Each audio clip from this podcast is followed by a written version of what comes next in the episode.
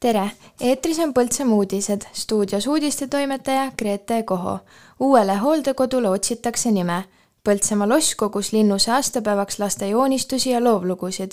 augustis toimub kümnes Põltsamaa kohvikute päev. Pikal tänaval algasid rekonstrueerimistööd sihtasutuse Põltsamaa Tervis ja Põltsamaa vallavalitsuse välja kuulutatud uue hooldekodu nimekonkursile laekus nelikümmend kaks ettepanekut. lõppvooru valiti viis nimevarianti Sõpruse pansionaat, Sõpruse kodu, Memmetaadi pesa, Roosikodu, Sügispäike. kõiki valla inimesi oodatakse esimeseks juuliks oma lemmiku poolt hääletama lehel põltsamaa.ee Põltsamaa loss kogus linnus aastapäevaks laste joonistusi ja loovlugusid, jätkab Kätlin Toom tänavu täitub Põltsamaa linnusel seitsmesaja viiekümnes aastapäev. selle tähistamiseks kogus Põltsamaa loss laste joonistusi ja lugusid.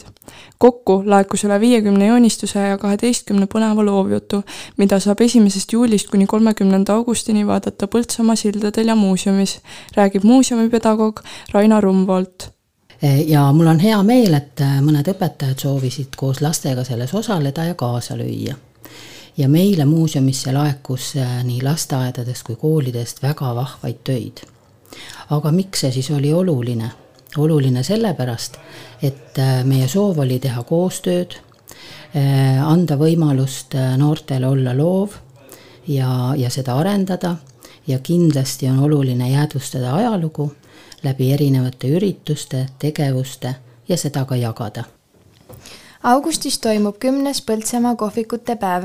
sel suvel, kolmeteistkümnendal augustil toimub kümnes Põltsamaa kohvikute päev, mis toob kokku kodukohvikud üle Põltsamaa valla.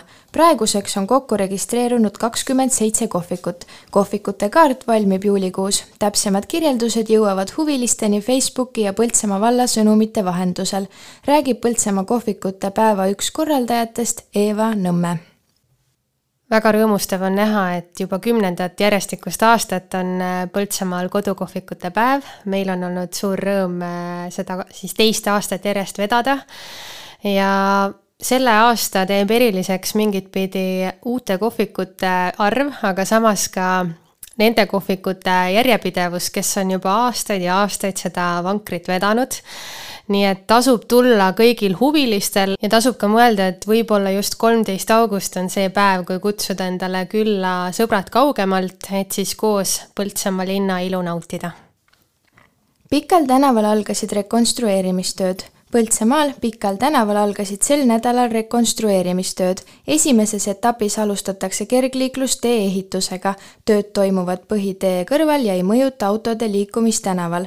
teises etapis, alates kolmeteistkümnendast juulist, teostatakse sõidutee asfalteerimistöid, mille ajal suletakse liiklus.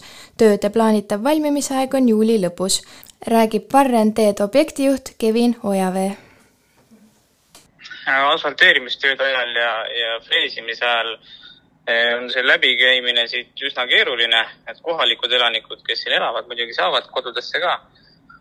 aga, aga võõrastele ilmselt läheb asi siin natuke kitsaks. ja, aga noh, kohalikele me paneme kõikidele, saadame kirjad postkastidesse ja, ja kõik saavad teavitatud ilmselt ka valla poolt ja ehitaja poolt mina olen toimetaja Kätlin Toom ja ilm.ee andmetel on täna, kahekümne kaheksandal juunil vähese ja vahelduva pilvisusega ilm. mitmel pool sajab hoovihma ja on äikest. võib tulla ka rahet. tuul on nõrk ja puhub valdavalt lõunakaarest. õhtul tugevneb põhjarannikul kagu- ja idatuul õhutemperatuur küündib kahekümne kaheksa kuni kolmekümne kahe soojakraadini, rannikul paiguti kahekümne kahe kraadini Raplas on kolmkümmend soojakraadi, Võrus ja Põltsamaal kakskümmend üheksa, Viljandis kakskümmend kaheksa, Tartus kakskümmend seitse, Tallinnas kakskümmend viis, Jõhvis kakskümmend kolm ja Kuressaares üheksateist soojakraadi